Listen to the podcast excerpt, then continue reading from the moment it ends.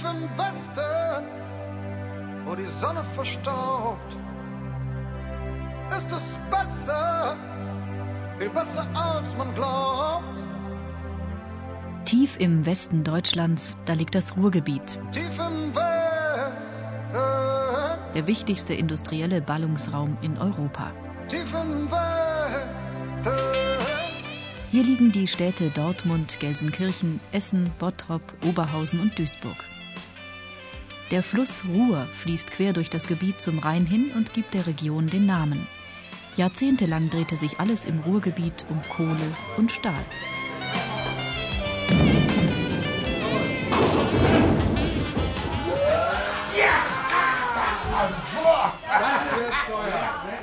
Hey, Alfred! Endlich, wo bleibst du denn? Hast du deine alten Kegelbrüder vergessen, wa? Dafür hast du den genialen Wurf von mir verpasst. Zeug, alle Neune weggefegt. Ja, Abend, Manne. Was ist denn los? Warum bist du so mürrisch? Kommst wohl gerade von der Schicht am Ofen, wa? Ich sag dir, das sieht nicht gut aus, Manne. Das sieht nicht gut aus. Was? Und wie Spätschicht. Komm gerade von der Betriebsversammlung. Mann, ich brauche erst mal ein Bier. Anita! Ein Pilz, ein großes. Also, was ist Sache? Sag ich doch. Es war Betriebsversammlung bei uns im Stahlwerk. Die hatten die ganze Geschäftsführung aufgefahren. Sieht wohl nicht so gut aus auf dem Stahlmarkt. Die faseln da was von Absatzproblemen und Weltmarktpreisen und unser Stahl ist zu teuer. Ganz einfach. Ja und? Was heißt das nun? Ja, das heißt auf gut Deutsch, dass das Geschäft mies läuft. Keine Aufträge mehr. Dass wir deshalb kein Weihnachtsgeld kriegen dieses Jahr. Was denn? Das heißt das. Kein Weihnachtsgeld? das ist ja ein Hammer. Du sagst es. Seit fast 20 Jahren arbeite ich jetzt schon am Ofen. Und mein Vater davor schon 30 Jahre. Aber Weihnachtsgeld hat's noch immer gegeben. Ich sag dir, Mann, das sieht nicht gut aus. Wie ist denn das bei euch im Werk? Also, du, du machst mir ja richtig Angst. So, bei, uns, bei uns ist alles ruhig. Also jedenfalls haben die noch nichts verlauten lassen. Wart's nur ab, Manne. Wenn das mit der Stahlflotte stimmt, dann merkt ihr das auch in eurem Werk. Wenn das mal nicht so wird wie bei der Kohle. Weißt du noch, ruckzuck haben die eine Zeche nach der anderen hier dicht gemacht. Alle arbeitslos. Dann geh, Alfred. Danke, Anita. Ist ein Schatz. Also jetzt mal mal nicht gleich einen Teufel an der Wand. Komm, trink erst mal einen und mach einen Wurf. Geht's dir besser? Kohle und Stahl haben die Region einst reich gemacht und Hunderttausenden von Menschen im Ruhrgebiet Arbeit und Wohlstand gegeben. Du hast einen Pulsschlag aus Stahl. Aber die Abhängigkeit von Kohle und Stahl hat der Region auch viele Probleme gebracht.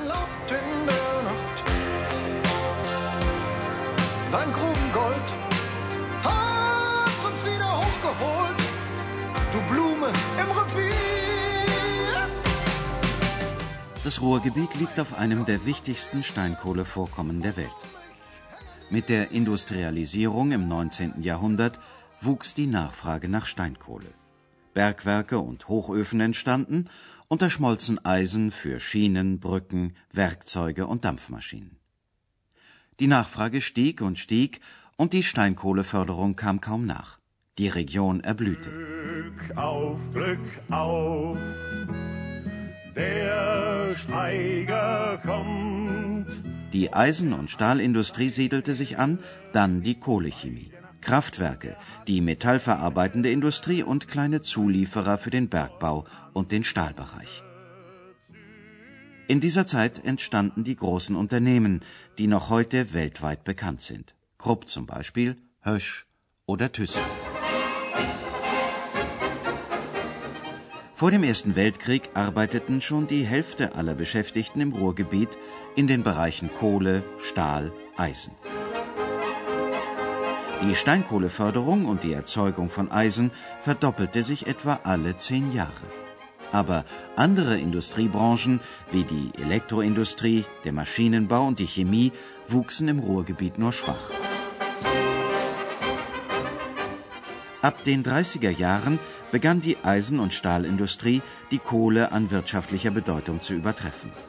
Und auch nach dem Zweiten Weltkrieg in den Wiederaufbauzeiten ging es mit Kohle, Stahl und Eisen wieder bergauf. Die Unternehmen konzentrierten sich weiter auf Stahl und Kohle. 1950 arbeiteten schon zwei Drittel aller Industriebeschäftigten im Montanbereich. 1957 war das Ruhrgebiet auf dem Höhepunkt seiner Entwicklung, mit einem Maximum an Wirtschaftskraft und Beschäftigten und einem Minimum an Arbeitslosen. Aber dann kam die Krise. Hey, Alfred, du bist ja schon wieder zu spät. Komm rüber. Ich hab dir noch einen Platz freigehalten. Tag, Manne. Ja, Tag, Alfred. Mensch, du guckst ja schon wieder so belämmert. Mir ist heute nicht nach Kegeln zumute. Ich frage mich sowieso, ob ich mir das künftig noch leisten kann. Ja, was denn? Mensch, Manne, hast du noch nicht gehört? In meinem Werk müssen 6000 Leute gehen. 6000! Einer davon bin ich. Futsch, aus, vorbei. Ich werde nicht mehr gebraucht. Kerle. Ja, das ist ja wirklich. Das ist ja wirklich Hängen im Schacht. Mensch, Alfred. Hat sich erwischt. Kannst du einen drauf lassen. Also gemunkelt wurde ja schon manches. Weil auch bei uns. Ich meine, das wird dich kaum trösten, aber in unserem Werk haben die jetzt Einstellungsstopp verhängt. Versuchen an allen Ecken Leute loszuwerden. Tja, deutscher Stahl wird eben nicht mehr gebraucht. Und ich werde jetzt auch nicht mehr gebraucht. Verdammt, ich muss doch noch unser Reihenhaus abbezahlen. Arbeitslos. Du solltest mal bei mir zu Hause vorbeikommen. Da ist vielleicht eine Stimmung, sag ich dir. Das glaube ich. Ja, was machst du jetzt? Drei Monate arbeite ich noch im Stahlwerk, dann ist das vorbei. Der Betrieb sagt, er zahlt Abfindungen für uns. Weiß noch nicht wie viel. Das hilft mir vielleicht aus dem Gröbsten heraus, aber was mache ich dann? Ich habe doch nichts anderes gelernt als Stahlarbeiter. Ja. Das ist bitter. Bei uns im Werk, da fragen sie auch schon jeden über 55, ob er nicht in Frührente gehen will. Das fragen sie bei uns auch. Aber ich bin doch erst 44, ich bin doch noch kein Rentner, Mensch. Ja, ja, bei dir ist das was anderes. Weil aber ich, ich habe mir schon fast 40 Jahre lang den Buckel drum geschuftet. Also ich hätte eigentlich gar nichts dagegen, jetzt mit meine 56 mal endlich die Füße hochzulegen. Was soll bloß werden? Ich brauche doch Arbeit.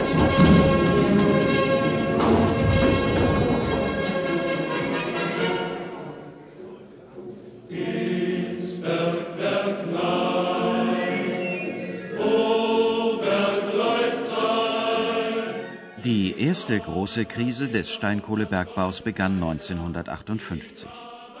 Weil Erdöl als Energielieferant wesentlich billiger wurde, war Steinkohle immer weniger gefragt.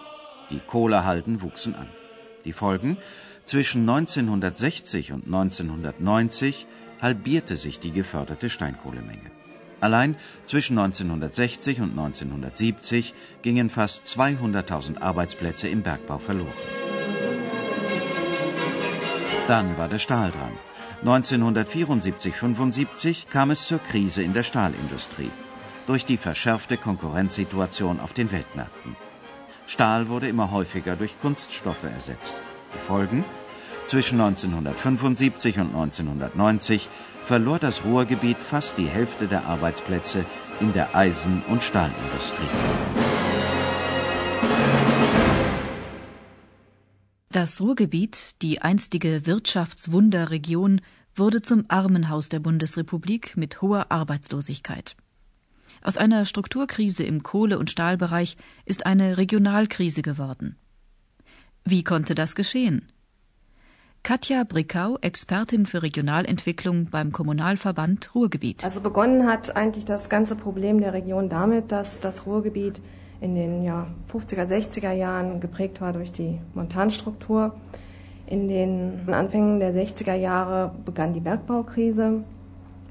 Da brachen die Arbeitsplätze im Bergbau weg und ähm, Probleme hat das im Ruhrgebiet dahingehend noch nicht so viel verursacht, da die frei gewordenen Bergarbeiter zum Teil ähm, neue Arbeit im Stahlsektor fanden. Begonnen hat die Krise deshalb dann erst in den 70er Jahren, als dann auch das letzte Standbein im Ruhrgebiet wegbrach, nämlich die, der Stahlsektor. Die Ursache für die Regionalkrise hat also einen Namen. Monostruktur. Ja, Monostruktur hieß eben, dass das Ruhrgebiet in erster Linie oder die Arbeitsplätze des Ruhrgebietes in erster Linie im Bergbau und im Stahlsektor beziehungsweise in vor- und nachgelagerten Produktionszweigen waren. Und ähm, das Ruhrgebiet auch ganz extrem durch einige wenige große Unternehmen geprägt war. Vor- und nachgelagerte Industriezweige, das sind die kleinen und mittleren Unternehmen, die den Großkonzernen zuliefern und sich in ihrer Produktion ganz auf die Bedürfnisse der Großen eingestellt haben. Durch eben das Wegbrechen des Bergbaus erst, dann des Stahlbereichs, entstand massive Arbeitslosigkeit, da eben auch die gesamte vor- und nachgelagerte Industrie Probleme bekam und im Prinzip nichts anderes vorhanden war. Nichts anderes vorhanden. Die Wirtschaft des Ruhrgebiets hatte viel zu lange einseitig auf die traditionellen Bereiche Kohle und Stahl gesetzt.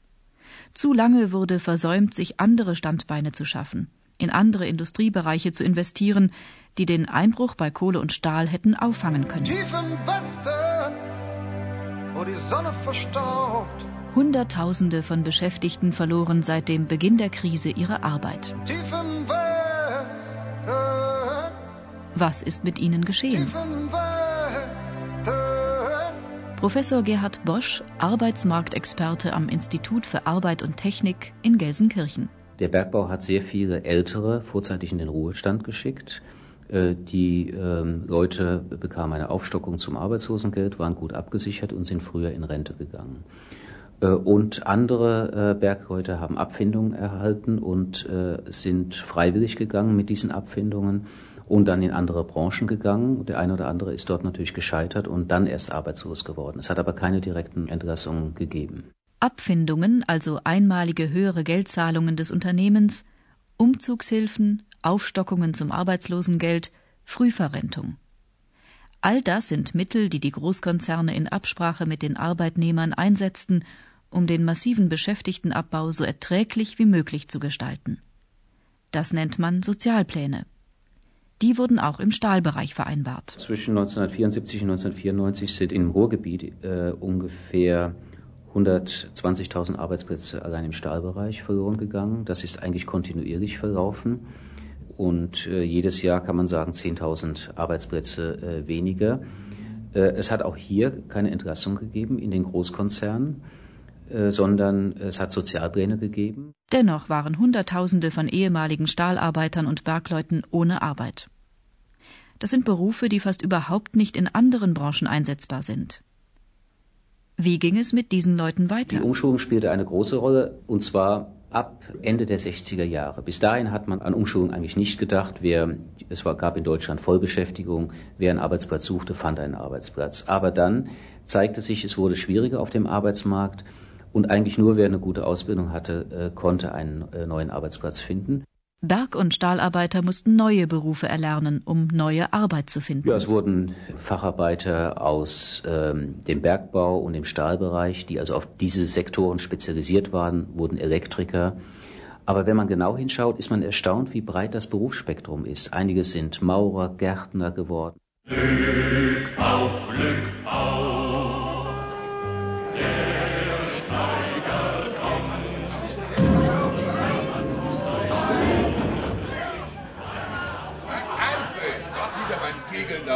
Aber klar doch. Kannst du dir wohl wieder leisten, hm? Bei der dicken Abfindung, die du gekriegt hast. Ah, hör doch schon auf. Mensch. Na, ja, ja, ja. Eigentlich könntest du ja eine Runde ausgeben, wa? So rosig sieht das auch wieder nicht aus. Ohne die Abfindung würden wir nicht über die Runden kommen. Ja, was machst du denn jetzt? Ja, war beim Arbeitsamt. Und die sagten genau das, was jetzt nicht gesucht wird, sind Stahlarbeiter. Guter Witz, was? Ja. Aber die meinten, ich sei doch noch jung und, und haben mir eine Umschulung angeboten. Was? Du wirst jetzt noch Lehrling? Meine, was machst du denn? Na, der, der Bearbeiter da auf dem Arbeitsamt, der war eigentlich ganz in Ordnung.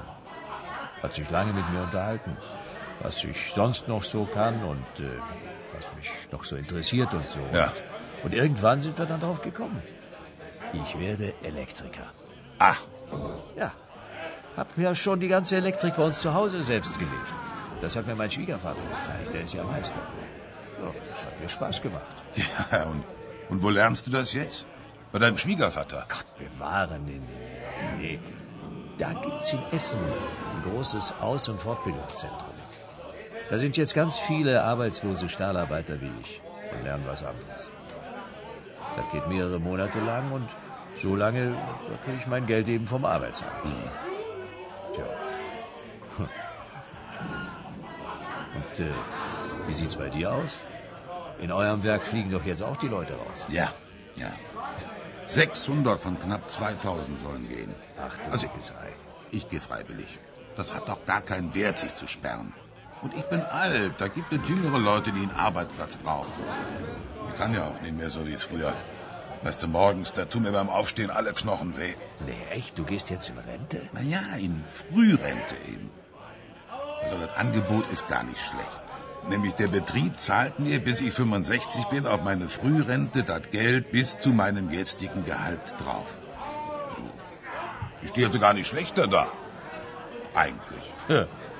Und kannst in deinem Schrebergarten Bier trinken? Jo.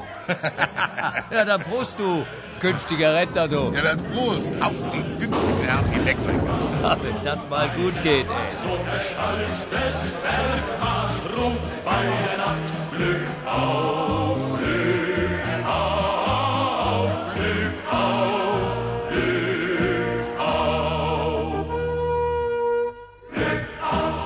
All diese Umschulungen, Frühverrentungen und sozialen Hilfen kosteten viel Geld.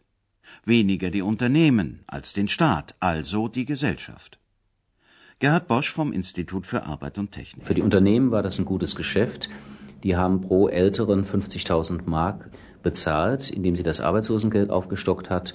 Und ungefähr 200.000 Mark musste das Arbeitsamt an Arbeitslosengeld zahlen. Und dann wurde nur die Rentenversicherung natürlich noch belastet durch den vorzeitigen Ruhestand. Also für die Gesellschaft war so ein Arbeitsplatzabbau sehr teuer, kostete bestimmt über 300.000 Mark. Mit den Sozialplänen war das Beschäftigtenproblem im Ruhrgebiet natürlich nicht gelöst. Die machten den Arbeitsplatzverlust lediglich erträglich.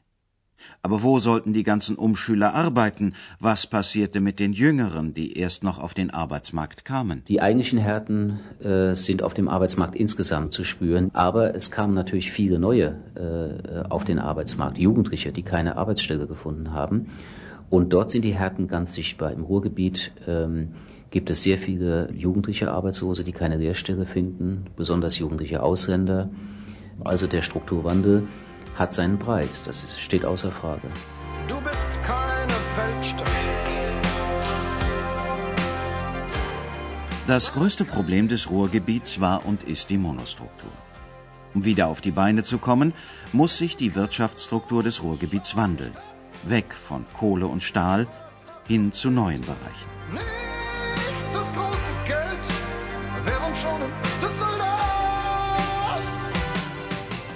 Die Kommunalpolitiker versuchten, Betriebe aus anderen Branchen im Ruhrgebiet anzusiedeln. Zum Beispiel den Autohersteller, der in Bochum ein Werk mit mehreren tausend Beschäftigten baute.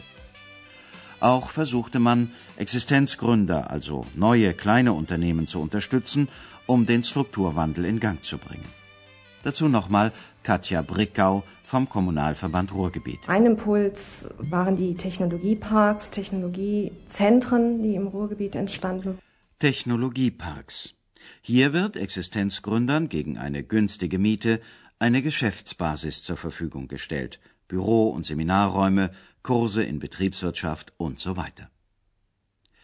Diese Technologiezentren wurden in der Nähe der Universitäten gegründet, damit die Ergebnisse aus der Wissenschaft in den Technologieparks umgesetzt werden können.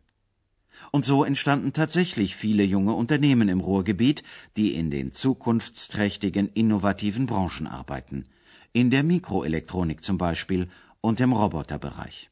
Und es gibt eine weitere Besonderheit im Ruhrgebiet. Was sich im Ruhrgebiet eigentlich ganz gut entwickelt hat, ist der Bereich ähm, der Umwelttechnologie.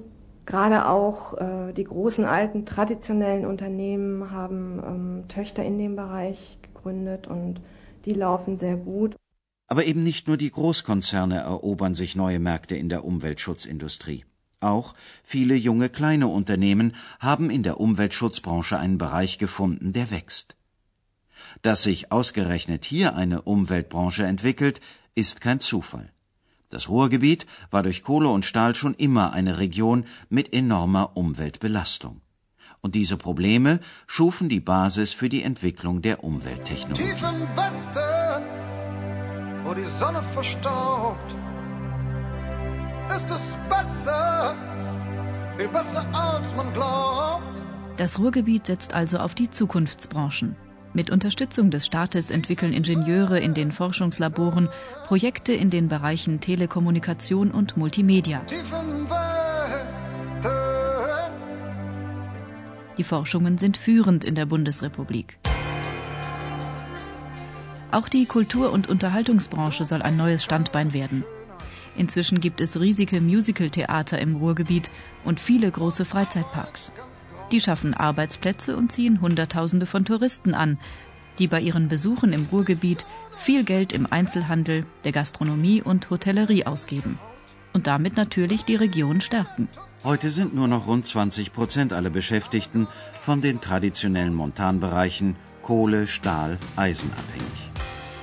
Wichtig ist, dass die dominierenden Großkonzerne wie Thyssen, Krupp, Mannesmann sich andere Standbeine gesucht haben. Zum Beispiel Thyssen. Der ehemals reine Stahlkonzern hat heute viele Geschäftsfelder. Neben der Stahlproduktion handelt Thyssen mit Bautechnik und Brennstoffen, arbeitet im Bereich Recycling und im Bereich Telekommunikation. Thyssen baut Aufzüge und Maschinen ebenso wie Kfz-Teile oder Keramik. Der Umsatzanteil des alten Stahlbereichs liegt nur noch bei 28 Prozent. Damit ist der Konzern ein Spiegelbild des Strukturwandels im Ruhrgebiet. Und der Wandel ist noch lange nicht abgeschlossen. du bist keine Weltstadt.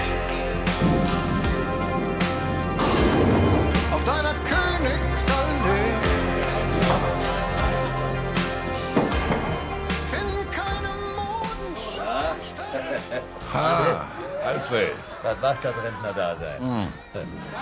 So schön wie du möchte ich auch mal haben. Ja, ja, weißt du. Aber auf die Dauer, da wird mir die Zeit schon ein bisschen lang. Was denn? Etwa Langeweile? Na ja, das ist doch eine Riesenumstellung. Von der Maloche jeden Tag umschalten auf Schrebergarten. Das, das geht eben nicht so einfach. Ich stehe aber immer noch um halb sechs Uhr morgens auf. Das ist so in mir drin. Das kann ich jetzt gar nicht mehr abstellen. Auch wenn meine Frau sagt, Mann, du schlaf doch mal endlich ordentlich auf. Ich höre immer nur schlafen. Ich muss den ganzen Tag lernen. Ja, du bist ja auch jung. Und abends Hausaufgaben machen. Das ist vielleicht komisch, aber ich bin. Nebenan sitzt mein Tobias und lernt auch sein Abitur. Und ich nebenan für die Elektrikerprüfung. Aber der macht das schon richtig. Der soll es mal besser haben. Der will Informatik studieren. Mit Computer. Da hat er schon immer gehabt. Und ich glaube, das ist auch was für die Zukunft. Ja, ja. Ich helfe auch gerade meinem Schwiegersohn beim Renovieren. Der richtet sich gerade im Büro ein, will sich selbstständig machen. Der will äh, Multimedia anbieten, sagt er. Also keine Ahnung, was das ist. Das hat wohl auch was mit Computer und Telefonleitungen und so Sachen zu tun. Also ich verstehe ja nichts davon. Aber ich denke, das wird schon was Richtiges sein.